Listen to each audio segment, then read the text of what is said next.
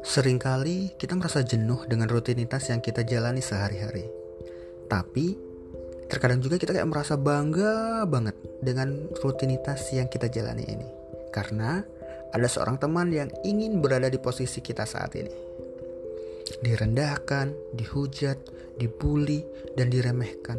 Tapi terkadang juga disanjung-sanjung, dibangga-banggakan, disukai banyak orang lah, tapi ada juga sebagian yang membenci. Nah, itulah namanya hidup. Cerita sehari-hari.